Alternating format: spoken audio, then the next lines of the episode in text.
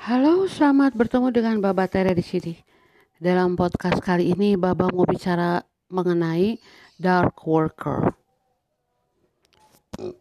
Jadi, secara tidak sadar, kita berpikir bahwa kita adalah light worker, kita adalah pekerja cahaya.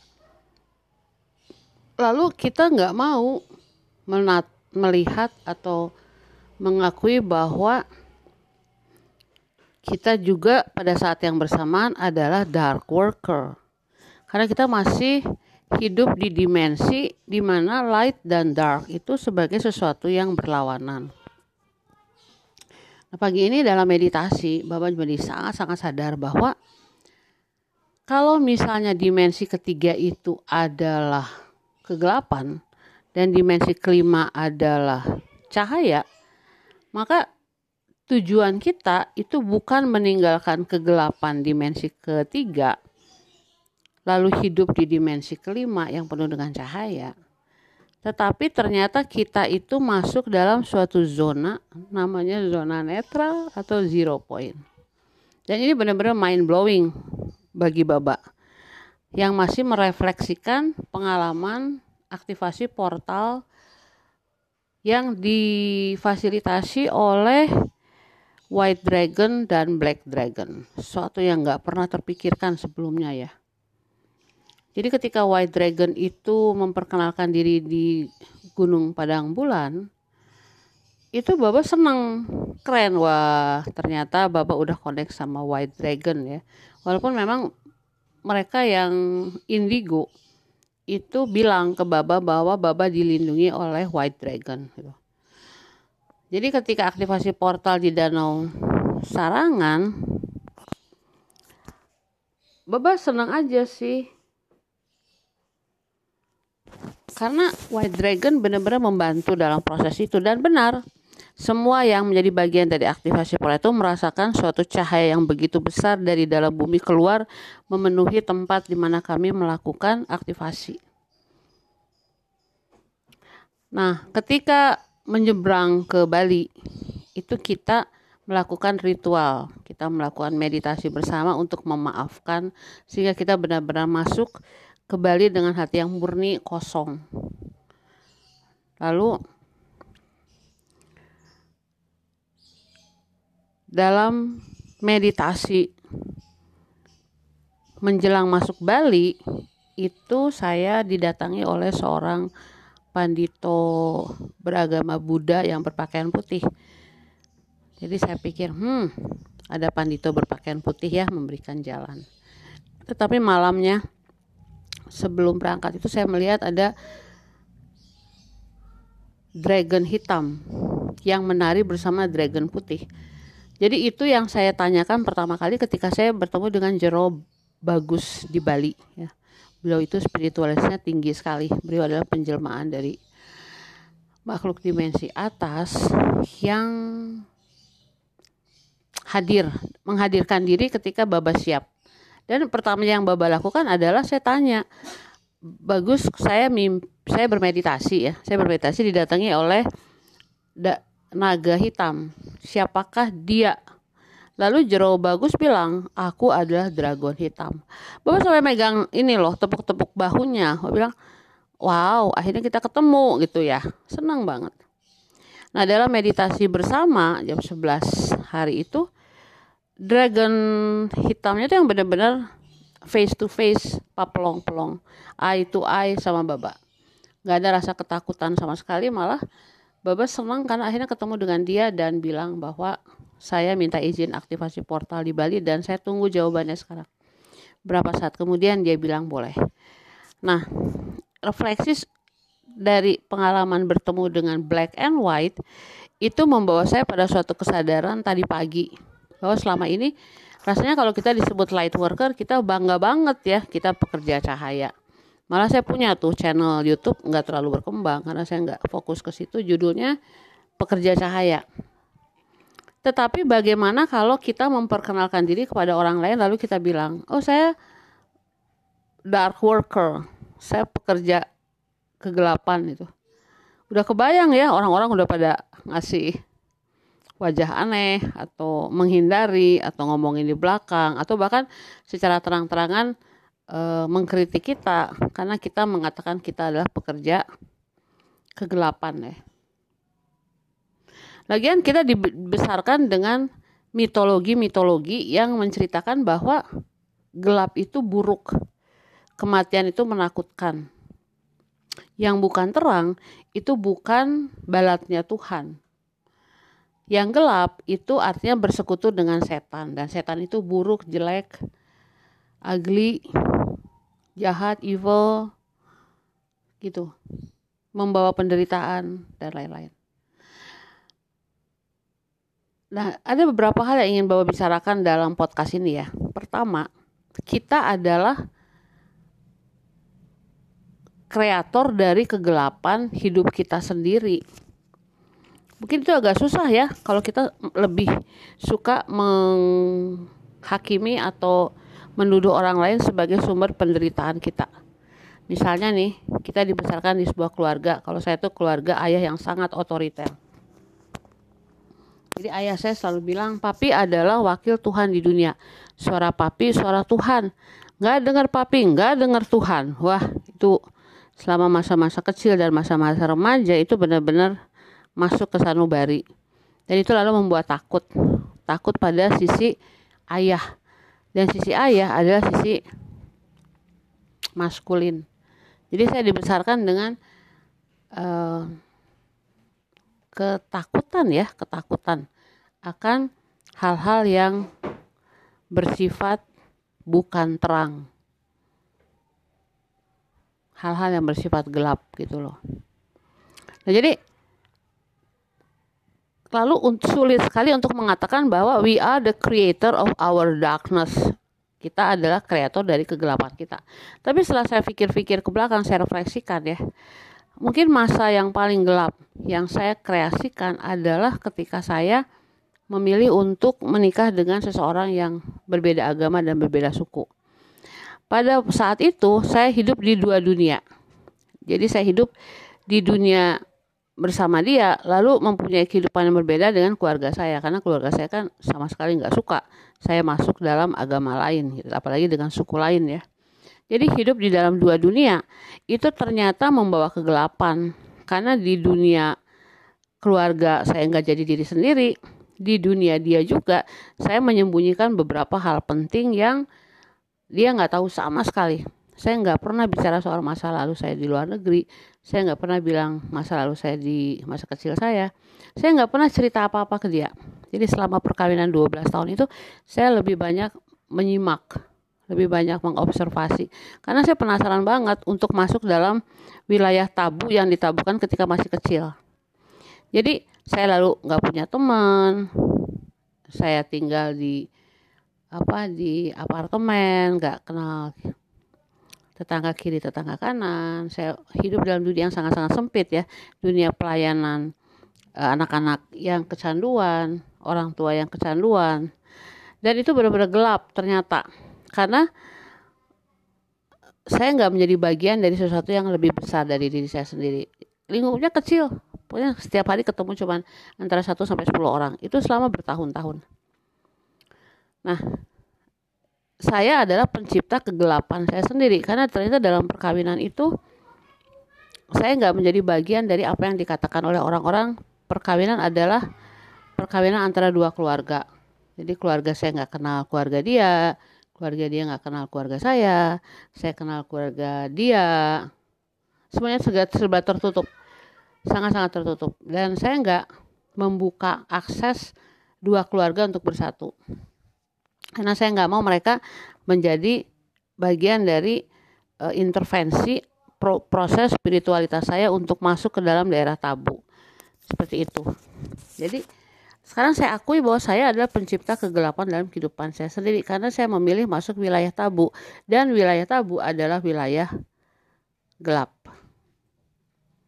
Nah ketika tadi pagi dalam meditasi sadar akan hal itu lalu saya merasa lega karena ternyata saya sudah menjadi author atau kreator atau penulis kisah hidup saya sendiri. Walaupun kisah hidup itu adalah kisah tentang kegelapan. Nah, hal kedua yang ingin saya katakan adalah kita diselamatkan oleh kegelapan. Jadi pertama kita adalah kreator dari kegelapan hidup kita. Ya kita udah nggak bisa lagi ngeblaming orang lain siapa pun itu, apakah itu orang tua, pasangan, tradisi, apalagi negara nggak bisa. Kita udah nggak bisa lagi memblaming mereka sebagai sumber penderitaan saya. Saya yang menciptakan penderitaan saya. Itu yang paling penting.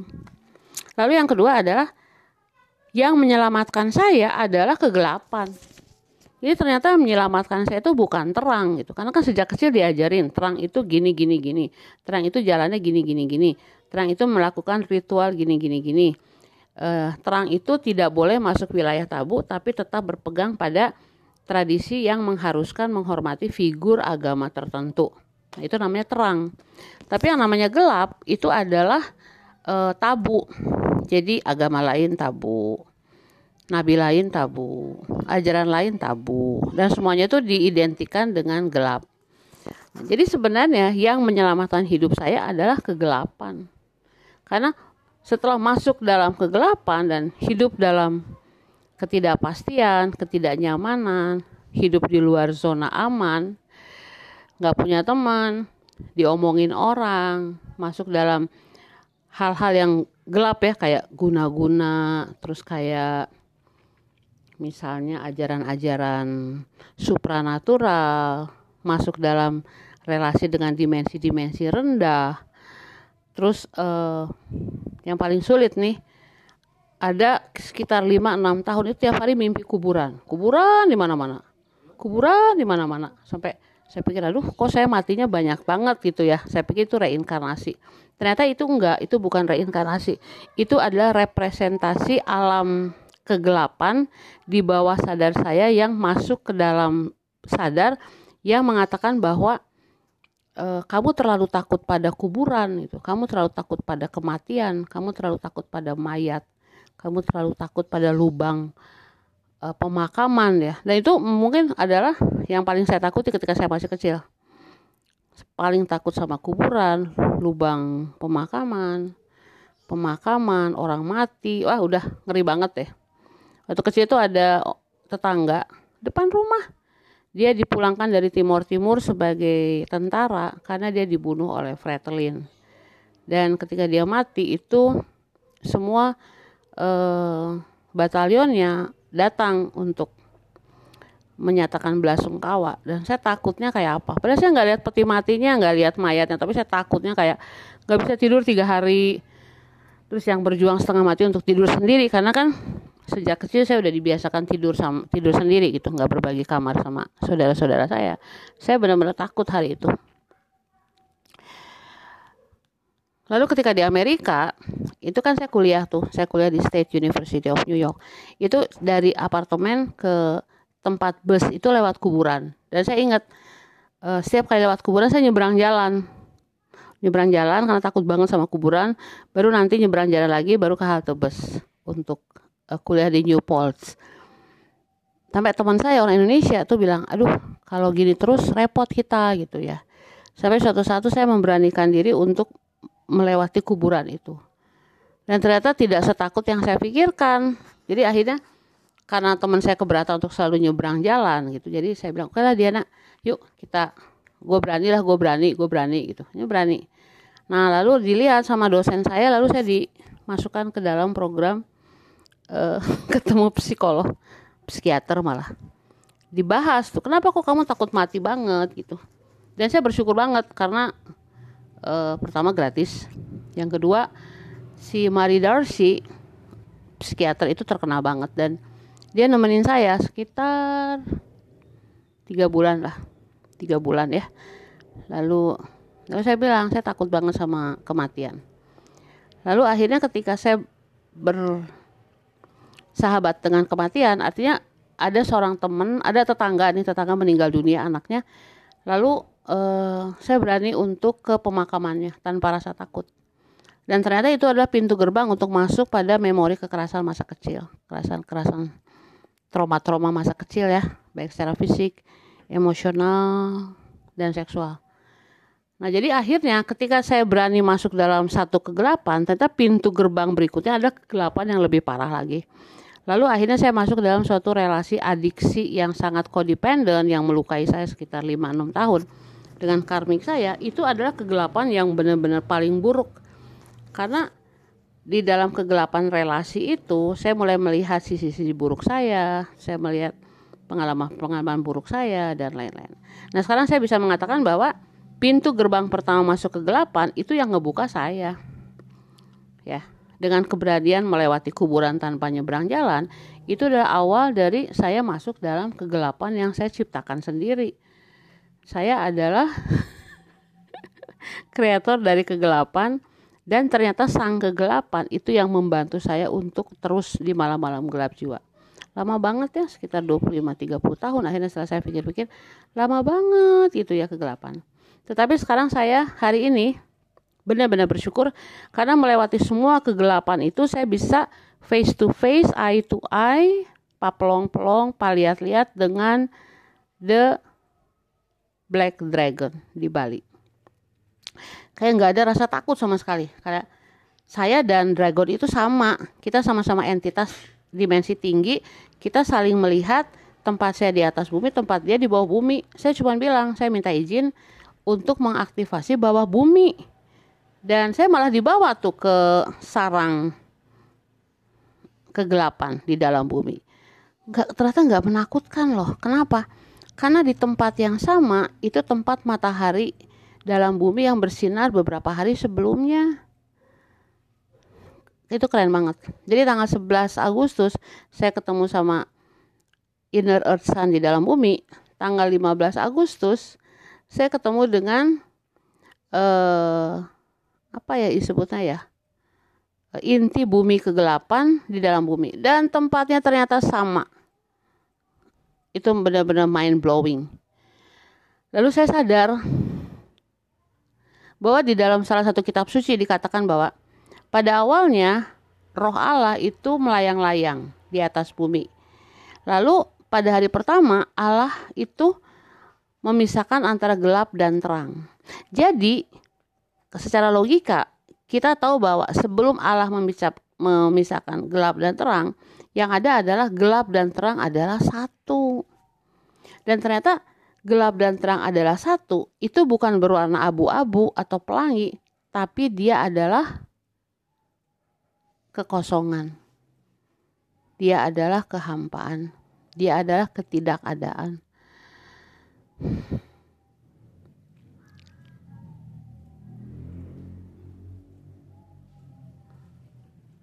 Nah, begitu teman-teman. Ini podcast yang singkat, tapi saya ingin cerita. Jadi tadi pagi lalu saya sadar bahwa untuk bisa masuk dalam oneness itu kita ha harus mengembrace gelap dan terang yang merupakan satu kesatuan. Lalu kita tidak boleh holding on atau kita nggak boleh kekeh memegang uh, apa namanya istilahnya kemelekatan ya. Kita nggak boleh melekat pada terang dan gelap. Walaupun itu bentuknya adalah bentuk warna atau bentuk uh, apa ya form form itu kayak geometri. Atau dia berbentuk gambar atau dia berbentuk visualisasi itu semua masih tidak kosong. Ketika kita mengembrace kegelapan dan terang yang kita uh, langkahi yang kita masuki adalah arena zero point. Dan ketika zero point terjadi, nggak ada nafsu apa pun juga, termasuk nafsu seksual. Gak ada. Yang ada adalah kemurnian. Dan kemurnian itu kita bisa melihat dengan jelas terang dan gelap. Jadi sekarang saya bisa mengatakan saya Baba Tere saya adalah pekerja kegelapan and it's okay. Saya juga bisa mengatakan bahwa saya adalah Baba Tere saya adalah pekerja cahaya. It's okay juga. Karena itu saya pakai istilah wanderer. Karena wanderer nggak ada hubungannya sama gelap dan terang, tapi wanderer sebagai petualang itu masuk dalam ranah terang dan gelap. Lalu menggabungkan kedua kekuatan itu untuk masuk ke zero point. Ada juga kata-kata kata-kata lain yang bisa menjelaskan hal itu bahwa saya sebagai entitas menyatukan sisi maskulin dan feminim saya untuk sampai pada zero point. Jadi untuk teman-teman, terutama teman-teman dengan gender laki-laki yang mempunyai sisi feminim lebih dominan, itu nggak usah mengkhawatirkan kembali, nggak usah mengkhawatirkan ya, nggak usah bingung, nggak usah takut, karena itu ada sisi feminim yang harus di, dirangkul oleh mereka yang mempunyai gender laki-laki dengan dominasi maskulin, ya. Jadi untuk mereka yang teman-teman bergender laki-laki yang punya sisi feminim itu sederhana aja mengubah pola pikir yang lebih tegas. Ya misalnya mengambil keputusan. Jadi seorang laki-laki itu kan dia adalah decision maker. Jadi dalam setiap situasi last word ya keputusan terakhir Anda yang ambil. Itu Anda sudah mengembangkan sisi maskulin Anda dan tidak usah bertentangan dengan sisi feminim Anda. Pada saat Anda ingin pada saat Anda ingin merasa lembut, baik hati, nggak apa-apa, itu juga bagus, ya. Jadi di dalam sisi kita itu ada sisi proteksi, proteksi sebagai maskulin dan proteksi sebagai feminim, nggak apa-apa, kita rangkul kedua-duanya. Oke teman-teman, jadi saya bersyukur banget bisa sharing dengan Anda hal ini. Kita adalah pekerja kegelapan. Kegelapan yang menyelamatkan kita dan kegelapan adalah sahabat kita. Kita penulis kisah gelap hidup kita dan sama-sama kita lalu masuk dalam zero point. Oke, sampai sini teman-teman. Di luar ada orang jualan tahu bulat. Bahasanya bahasa Sunda. Jadi saya memang tinggal di Bandung. I love you all. Jangan lupa bahagia. Hai, bertemu lagi dengan Baba Tere di sini. Dalam podcast kali ini Baba mau berkisah tentang koneksitas antara kita dan para leluhur. Jadi ini datang dalam bentuk meditasi yang sangat-sangat powerful sehingga lalu Baba ingin mengkombinasikannya dengan pengalaman aktivasi portal kemarin jadi sahabat-sahabat cahaya, sebelum kita melakukan aktivasi portal, itu Baba dapat transmisi dari Ibu Pertiwi bahwa Baba harus mengunjungi lima tempat agama-agama besar yang ada di Jawa Tengah. Jadi memang Pulau Jawa ini kebanyakan menjadi pusat kebudayaan ya dan lalu memancar ke seluruh Nusantara. Walaupun memang akhirnya mungkin dalam perjalanan aktivasi berikutnya kita akan lebih menyadari bahwa setiap pulau itu mempunyai uh, mempunyai apa ya keikutsertaan dalam membentuk apa yang disebut Nusantara. Cuma itu belum tereksplor. Yang sudah tereksplor adalah lima pusat agama besar pertama di Pulau Jawa, yaitu Masjid Agung Demak, kemudian Gereja Katolik Muntilan, kemudian Borobudur sebagai pusat Buddha, Candi Cetok sebagai pusat agama Hindu, dan Kelenteng Sampokong di Semarang yang merupakan kelenteng tertua ya, pusat agama Konghucu. Kenapa agama Kristen Protestan tidak bapak ikut sertakan? Karena terlalu banyak denominasi-denominasi yang muncul yang Bapak nggak tahu siapa yang pertama. Jadi kita larinya ke Yesusnya sendiri, ya Yesusnya sendiri. Nah, pada waktu kami melakukan koneksitas dengan para leluhur, itu bagi Bapak pribadi terasa sekali vibrasi para leluhur yang merasa bahagia karena kita datang bersilaturahmi. Ada semacam sopan santun etika kebudayaan asli Indonesia bahwa memang kita harus suwon ke yang kita tuakan. Dan itu mengalir dengan sangat alamiah. Yang paling paling terasa adalah di Masjid Agung Demak. Karena kita benar-benar disambut secara invisible sehingga kehadiran kami tepat jam 12 malam itu ya dalam renggang waktu 10 menit. Jadi 12 kurang 5 sampai 12 lebih 5 itu kita meditasi di situ terus kita minta izin. Hanya bilang kami datang untuk silaturahmi dan mohon izin mohon berkat untuk melanjutkan perjalanan spiritual ke tingkat spiritual yang lebih tinggi ya. Itu kita nggak kelihatan sama mereka yang ada di sekitar kita padahal kita berpakaian benar-benar aduh nggak berpikir ya harus menyesuaikan fashion. Baru setelah itu baru orang bereaksi lalu meminta kita keluar dari wilayah masjid ya. Dan memang invisible kemudian uh, leluhur-leluhur juga sangat-sangat apa ya dalam vibrasi yang sangat lembut itu terasa banget. Dan di luar kami mengalami suatu kejadian yang bagi saya itu adalah uh, kehadiran Syekh Siti Jenar dalam bentuk seorang anak autis yang terus mencari perhatian khususnya saya sih. Jadi itu adalah kayak koneksitas dengan leluhur bumi Nusantara malam itu. Kemudian setelah itu kami eh, pergi ke Muntilan. Ya salah satu salah satu Suwon itu ke Muntilan. Itu adalah pusat gereja Katolik pertama di Jawa Tengah. Di sana itu sepi hening ya seperti biasa. Biara dengan sekolah yang kosong dan gereja yang tidak aktif itu suasananya nyaman banget ya jadi kami hanya duduk di hadapan kolam yang besar dan indah di dekat beberapa pohon tua dan minta izin suwon minta izin pada leluhur-leluhur uh, yang mendirikan gereja Katolik di Jawa Tengah khususnya lalu menyebar ke seluruh Indonesia untuk melanjutkan perjalanan ke tingkat spiritualitas yang lebih tinggi.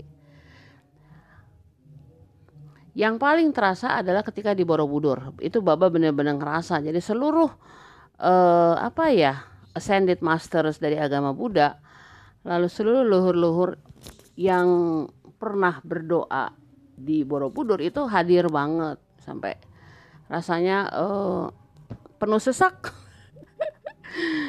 penuh sesak banget gitu sampai walaupun Borobudur tertutup itu ada bisikan cari uh, tempat di luar kompleks Borobudur di mana kita bisa melihat candi itu dari jauh. Dan kehadiran seorang laki-laki yang memfasilitasi itu itu benar-benar membuat koneksitas dengan leluhur tuh kuat banget ya hari itu. Kayaknya yang terkuat sebenarnya di Borobudur buat Baba. Kuat banget ya. Lalu di Kelenteng itu uh, Baba nggak terlalu merasa reli merasakan uh, aura religiusitas karena yang Baba rasakan adalah suatu kepedihan yang dalam banget bahwa kemiskinan yang ada di Pulau Jawa khususnya di Indonesia itu ya itu dimulai dengan kedatangan para pedagang-pedagang asing yang mulai memperkenalkan sistem keuangan, sistem usaha dagang, sistem utang piutang, sistem uh, sistem apa namanya itu sistem perantara. Jadi itu adalah awal mula kemiskinan di Jawa juga Bapak ingat ada seorang tokoh kapitayan sahabat kami ya dari Wanderer juga yang pernah bilang bahwa kata miskin gak pernah ada dalam kosakata zaman kapitayan. Karena kapitayan itu kan tayan artinya kosong. Jadi kosong itu diidentifikasikan dengan sesuatu yang agung, yang bersifat sangat-sangat rohani, spiritual, manunggaling kaula gusti, sehingga kosong itu nggak ada konotasinya dengan miskin kalau sekarang miskin berarti kosong dompet. Jadi saya merasakan suatu kesedihan yang dalam banget di kelenteng Sampokong itu ya. Oh, di sini. Lalu akhirnya yang paling puncaknya adalah di Candi Cetok. Kami bisa naik ke tingkat yang paling atas, lalu kita di situ hanya minta izin sih. Jadi kita nggak ada hubungannya sama harus jadi orang Hindu dan juga agama-agama lain. Kita hanya bilang bahwa kita mau melanjutkan perjalanan spiritual baru setelah itu aktivasi portal. Nah, koneksitas leluhur ini ternyata membuka sebuah cakra baru yang tidak pernah disadari oleh sistem uh, sistem cakra mana pun yang ada di dunia sebelumnya. Ini adalah yang disebut cakra lutut ya. Ini cakra ini baru ditransmisikan setelah global meditasi tanggal 4 Agustus yang lalu. Jadi si konsep cakranya udah berubah sekarang teman-teman. Kalau dulu cakranya itu kan dari 1, 2, 3, 4, 5, 6, 7 itu dari yang kita kenal ya. Jadi satu dari daerah private kita, dua sakral, ketiga itu daerah pusar kita ya. Itu ketiga keempat hati kita, kelima leher, keenam mata ketiga di dahi kita, lalu yang ketujuh cakra mahkota.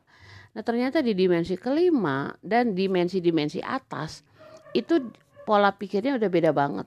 Bahkan setelah Baba pikir lagi ada suatu pola cakra di mana mereka tuh ingin menambahkan cakra bumi lalu cakra-cakra ke atas ada 12 sistem cakra yang diperkenalkan uh, oleh suatu organisasi ternyata bukan itu. Ternyata itu tetap dimensi ketiga. Karena pola pikirnya adalah pola pikir dimensi ketiga. Ya, jadi ada tuh. Mungkin itu sebabnya juga Bapak nggak terlalu mendalami cakra-cakra tersebut kecuali cakra ke-8 ya. Jadi kalau sistem cakra tradisional kedua itu yang mempunyai 12 sistem cakra, itu kita mulainya dari cakra bumi, lalu cakra dasar kita jadi cakra kedua, cakra sakral kita yang dari cakra kedua jadi cakra ketiga, lalu dia naik naik naik naik. Maka ada cakra ke-8 yaitu mahkota kita lalu ke-9 10 11 12. Nah, buat Baba waktu itu yang paling penting ada cakra ke-8 karena cakra ke-8 itu adalah cakra di mana kita diperkenalkan dengan konsep I am that I am dengan kode aktivasi 1141 1411 4111 atau 1114. Jadi si kode aktivasi itu yang membuka koneksitas kita dengan dimensi atas. Tetapi yang di luar dugaan adalah ternyata cakra ke-9 10 11 itu enggak sama sekali di uh, di apa ya dikobarkan. Sekarang malah ada sistem cakra pola pikir semesta baru yang diambil dari penanggalan kalender Mesir kuno yang baru mulai dihidupkan kembali karena kalender Mesir kuno itu hubungannya dengan Orion sangat-sangat kuat dan sistem kalender mereka itu memakai sistem kalender dari rasi bintang Orion.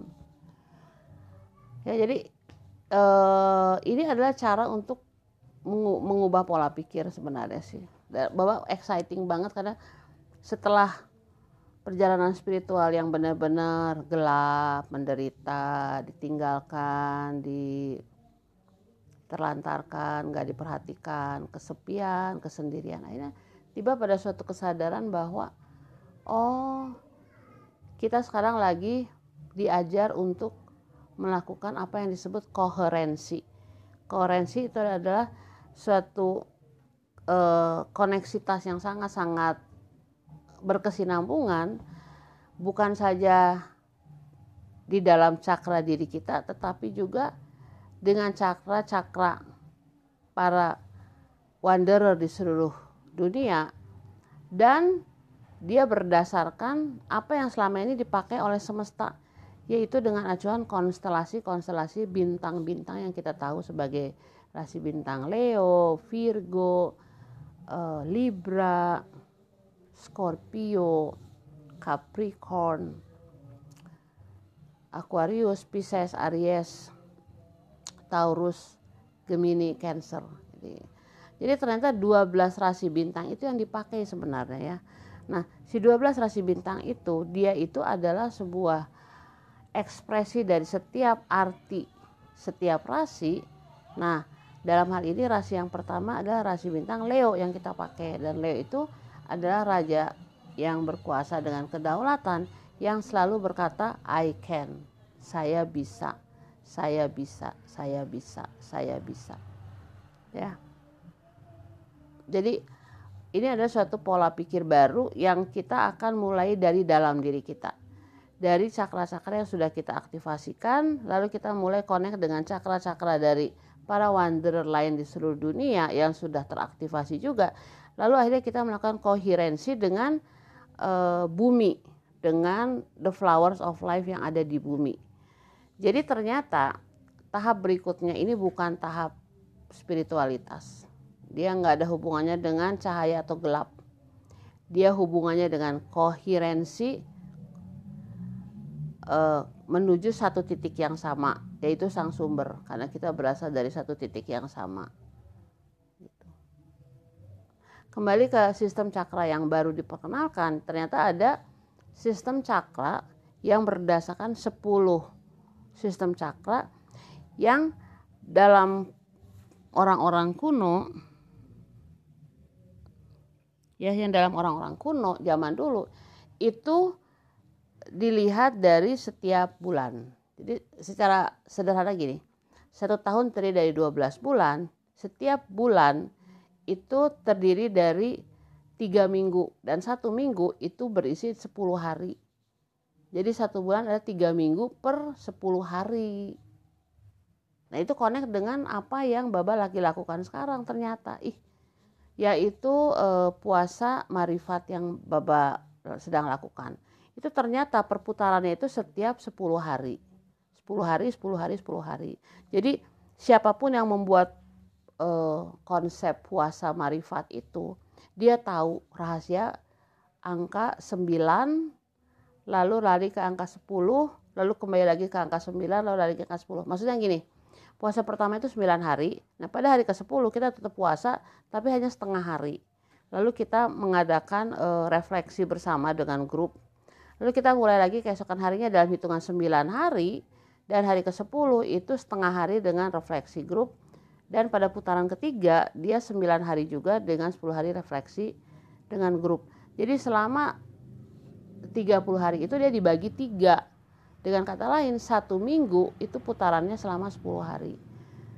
Menarik ya, karena menarik bahwa dalam Islam sendiri, dalam ajaran marifat, itu ternyata mereka ngikutin apa yang selama ini dipakai oleh kebudayaan-kebudayaan spiritual kuno tentang pembagian 10.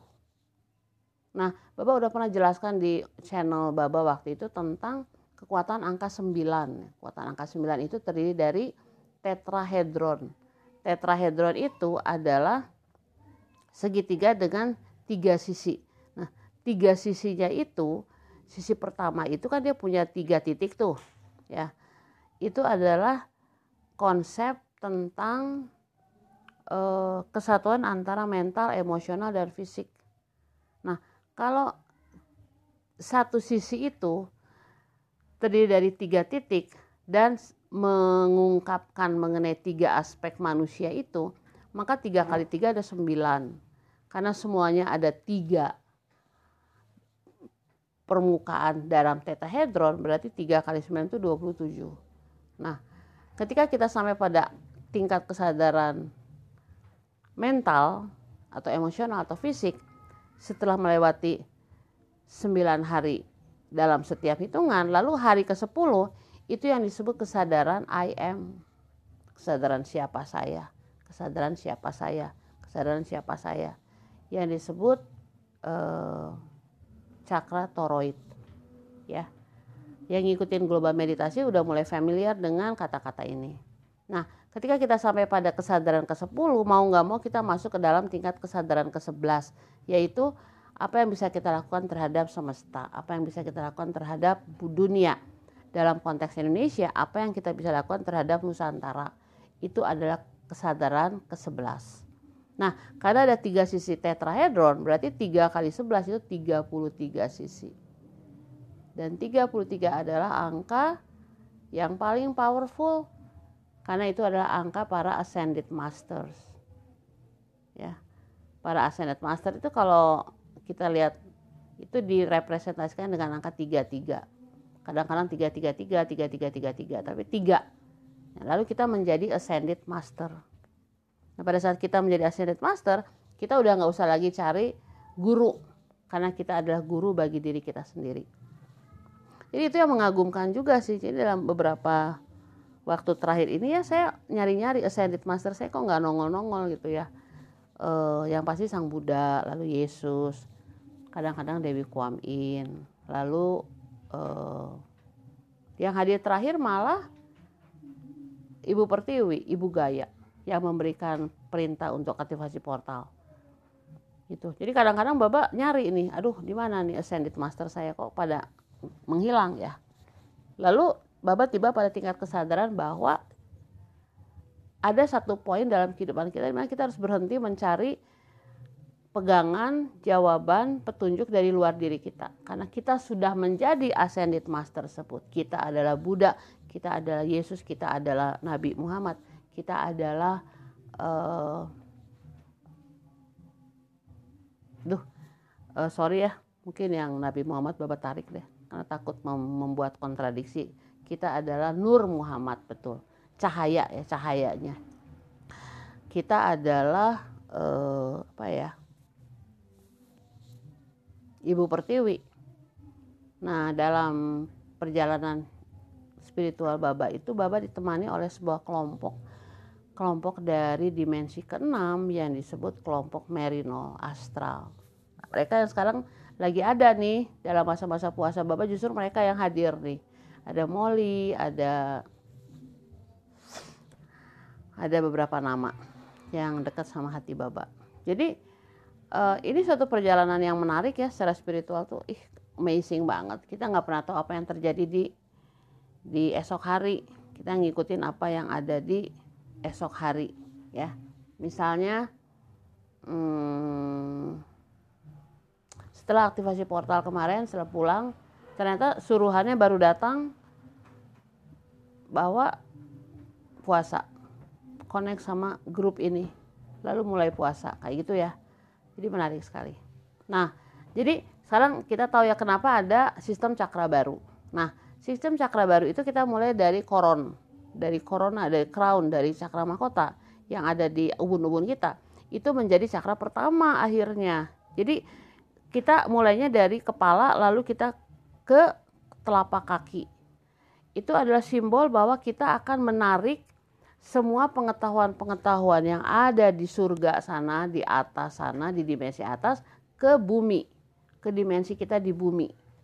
Karena itu si cakranya berubah posisi. Itu nggak pernah terpikirkan, bahkan satu dua bulan lalu nggak pernah terpikir oleh saya bahwa oh ternyata bringing heaven to earth itu dengan cara cakra ya. Saya pikir gimana caranya bringing uh, heaven to earth? Apakah lewat mempelajari lagi agama-agama mempelajari kitab-kitab suci gitu ya? Uh, tapi ternyata enggak. Dia lewat cakra teman-teman. Lewat cakra banget. Nah jadi cakra ke satu itu crown cakra, cakra kedua itu adalah mata ketiga kita. Di antara dua alis, cakra ketiga tenggorokan. Nah, yang menarik cakra keempatnya sama. Jadi cakra keempat di dimensi ketiga sama cakra keempat di dimensi kelima posisinya tetap di hati dan dengan angka yang sama yaitu angka empat. Itu juga menunjukkan bahwa bumi yang diputuskan oleh Dewan Galaksi sebagai cakra keempat yaitu cakra hati, dia tetap sebagai cakra hati. Dia tetap menjadi planet hijau. Lalu kita turun ke cakra kelima. Yang kelima itu ada di uh, solar plexus ya. Itu adalah matahari yang ada di dalam diri kita. Jadi mataharinya bukan berada di hati kita ya bukan. Mataharinya tuh ada di solar plexus. Uh, lalu keenam sakral plexus ya eh, sakral cakra yaitu cakra seksualitas. Lalu cakra ketujuh baru cakra dasar kita. Cakra dasar ya cakra kebutuhan dasar kita sandang pangan dan papan Nah, lalu ada tambahan cakra baru yang disebut cakra ke-8 yaitu cakra lutut. dan akhirnya cakra kesembilan yaitu cakra ankle atau pergelangan kaki yang ada hubungannya dengan kaki. Nah, lalu nanti ada cakra ke-10 yaitu gabungan dari semua cakra itu. Lalu kita dengan afirmasi cakra itu lalu kita connect dengan nggak cuma dengan diri kita sendiri tapi connect dengan setiap wanderer yang melakukan global meditasi. Dan itu jumlahnya udah sampai 30 ribu orang. Jadi yang melakukan aktivasi semesta aktivasi global nggak usah banyak-banyak. Kita nggak usah harus ada misalnya kan kita sekarang 7 miliar orang ya di bumi.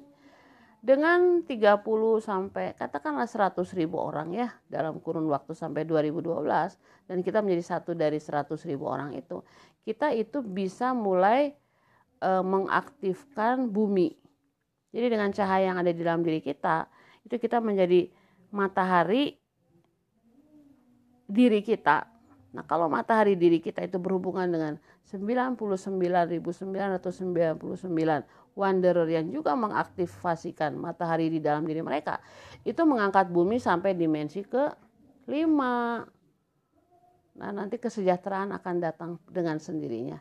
Ketika ketakutan-ketakutan akan kemiskinan ketakutan akan uang ketakutan akan nggak bisa e, membayar resiko-resiko yang harus dibayar ya itu akan hilang dengan sendirinya. Karena cahaya itu lebih terang pada saat kita bersatu. Tentu saja untuk melewati cahaya itu kita harus melewati kegelapan ya. Jangan lupa kita adalah gabungan dari light worker dan dark worker pada saat yang bersamaan. Jadi kalau anda misalnya berpikir aku nggak mau jadi dark worker ah nggak bisa berarti anda belum sampai pada tingkat kesadaran oneness. Silahkan menikmati menjadi light worker aja.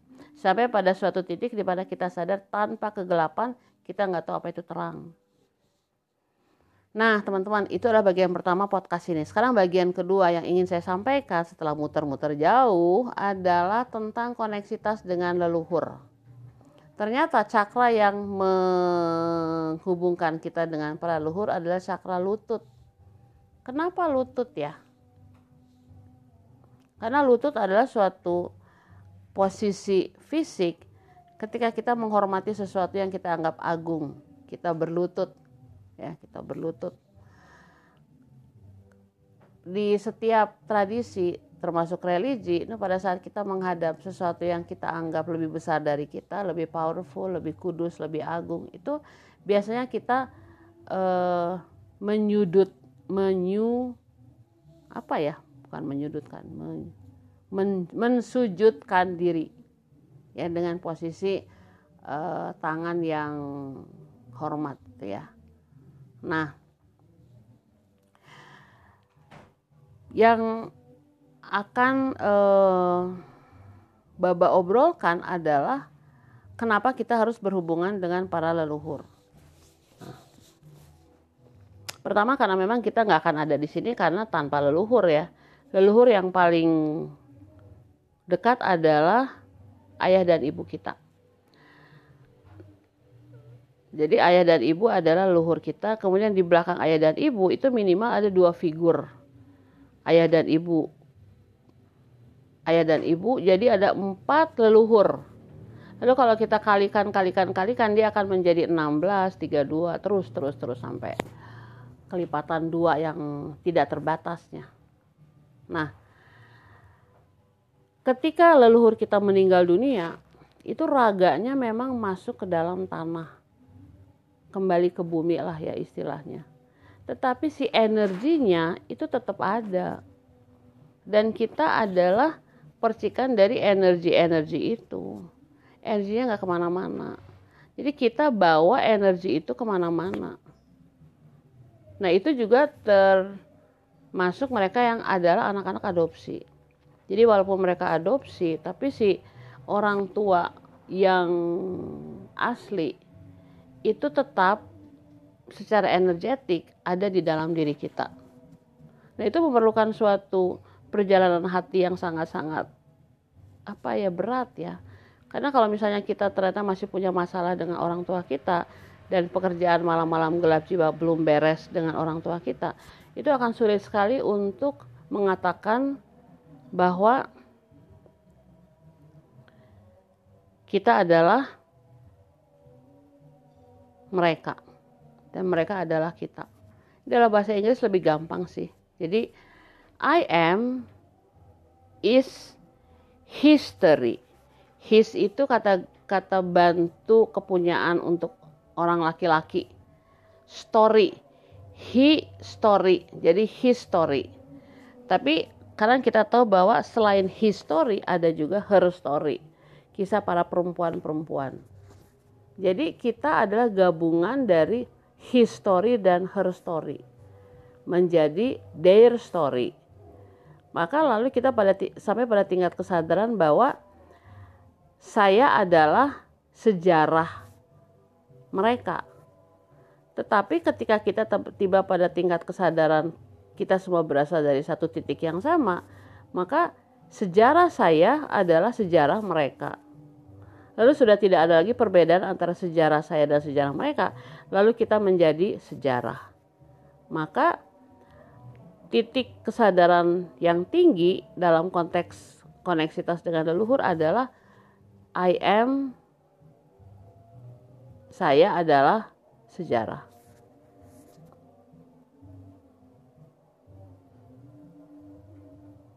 Nah, kalau misalnya kita bisa mencapai pengertian bahwa saya adalah sejarah dan sejarah itu memiliki titik cahaya dan titik gelap, Lalu saya tidak membedakan lagi antara cahaya dan gelap, tetapi merangkul semua yang pernah terjadi, yang pernah dialami oleh nenek-nenek moyang kita, lalu kita tiba pada suatu titik yang sama. Nah, titik yang sama itu akan mengkoneksikan diri kita dengan semua titik-titik yang sama yang juga sedang diproses oleh para wanderer yang ada di seluruh dunia. Lalu semuanya jadi merging jadi satu. Ya, itu nanti terjadinya nggak sekarang sih, terjadinya wah mungkin berapa puluh tahun lagi. Nah ini membawa saya pada suatu pengajaran yang paling-paling penting, yaitu bahwa kita melakukan semua ini ya mencapai tingkat pencerahan melalui aktivasi portal di dalam diri kita, aktivasi portal di bumi kita, menyatukan portal-portal dimensi 5 dengan wonder di seluruh dunia yang juga sudah mengaktifasikan portal-portal di wilayah mereka melalui cakra-cakra. Itu kita lakukannya bukan untuk diri kita, kita lakukan untuk keturunan kita. Mungkin kita nggak akan merasakan dimensi 5 ya, secara utuh sih walaupun sekarang kita udah mengalami dimensi lima pada saat kita mengalami oneness dengan diri kita, dengan uang, dengan harta, dengan orang lain, dengan bumi, dengan pohon, dengan binatang, dengan udara ya, kita adalah oneness. Tetapi sebenarnya yang akan mengalami semua hasil dari perjalanan perjalanan koherensi kita koherensi kita adalah anak cucu kita. Kita akan menjadi leluhur bagi mereka. Dengan konsep yang sama bahwa ketika kita mati, itu termasuk yang moksa ya sekalipun, kita energi kita akan menjadi bagian dari anak cucu kita. Kita akan hidup di dalam anak cucu kita itu. Sehingga antara kita dan anak cucu kita menjadi satu mereka adalah sejarah dan sejarah itu menyatukan mereka dengan kita dan juga dengan leluhur-leluhur kita. Sehingga dalam konteks oneness itu udah nggak ada lagi perbedaan antara nenek moyang kita dan para uh, keturunan kita. Ya, nah si konsep satu itu sebenarnya yang ingin di, di apa ingin di dipahami ingin dimengerti, ingin dirangkul, ingin dijadikan bagian dari diri kita. Nah, ini adalah suatu proses yang memerlukan kekosongan, memerlukan pengosongan. Jadi, kalau misalnya Anda memang eh, merasa ini adalah misi saya di bumi ini, bahwa misi saya bukan untuk saya tapi untuk anak cucu saya. Bahwa misi saya bukan untuk saya tapi untuk kepentingan ibu bumi. Karena ibu bumi yang akan memberikan ruang dan tempat seperti yang sudah ibu bumi lakukan terhadap para leluhur kita, terhadap kita sekarang dan para uh, keturunan kita, maka kita itu membantu ibu bumi untuk menyiapkan suatu uh, kehidupan dengan tingkat kesadaran oneness yang sangat-sangat uh, utuh, yang sangat-sangat penuh, yang sangat-sangat komplit, yang sangat-sangat sempurna gitu. Nah, kita itu adalah panggilan berikutnya, panggilan berikutnya.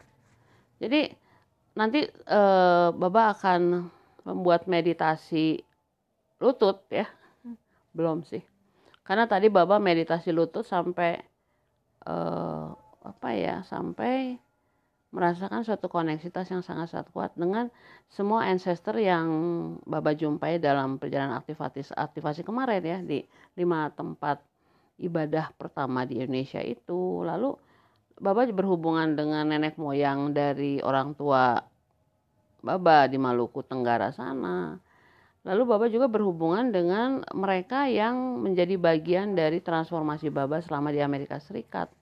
Jadi akhirnya dia merupakan satu-satu kesatuan yang mengagumkan banget ya. Yang lalu kita pikir aduh ini misinya keren banget gitu. Misinya kok lebih dari yang kita pikirkan ya teman-teman.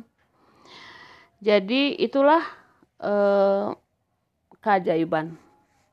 Keajaiban bagi para wanderer bahwa hidup itu nggak sekedar linier, lahir, sekolah, bekerja, menikah, punya anak, punya cucu, meningkatkan karier, lalu meninggal. Tapi hidup itu adalah suatu uh, koneksitas antara para leluhur kita di sini sekarang dan para keturunan kita nanti. Dan cuma ada satu sejarah sejarahnya sama. Jadi nggak ada sejarah luhur, sejarah kita, sejarah nggak ada. Yang ada satu sejarah. Itu mungkin ya e, di beberapa tempat sekarang itu ada semacam gerakan untuk connect dengan leluhur. Connect dengan leluhur, connect dengan leluhur. Dan kita bisa melakukannya dengan berbagai macam cara ya. Nggak usah mengunjungi tempat-tempat ibadah seperti yang saya lakukan, tapi mungkin dengan cara masing-masing ya. E, mengagumkan banget.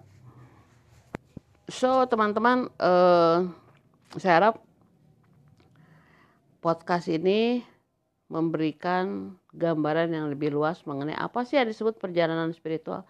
Bahkan sekarang udah bukan lagi perjalanan spiritual, karena kalau kita ngomongin perjalanan spiritual itu kita masih membatasi ya. Ada seorang wanderer dulu dia bilang bahwa ada yang disebut spiritualitas yang terkotak-kotak memang beliau benar tapi kalau menjelaskan sesuatu yang baru kepada mereka yang belum tiba pada tingkat kesadaran itu maka sebenarnya nggak ada guna juga seperti apa ya seperti istilahnya apa ya uh, berteriak di lubang nggak nggak nggak gemanya nggak akan terdengar dengan jelas tapi kalau misalnya berteriak dari atas bukit ke bawah.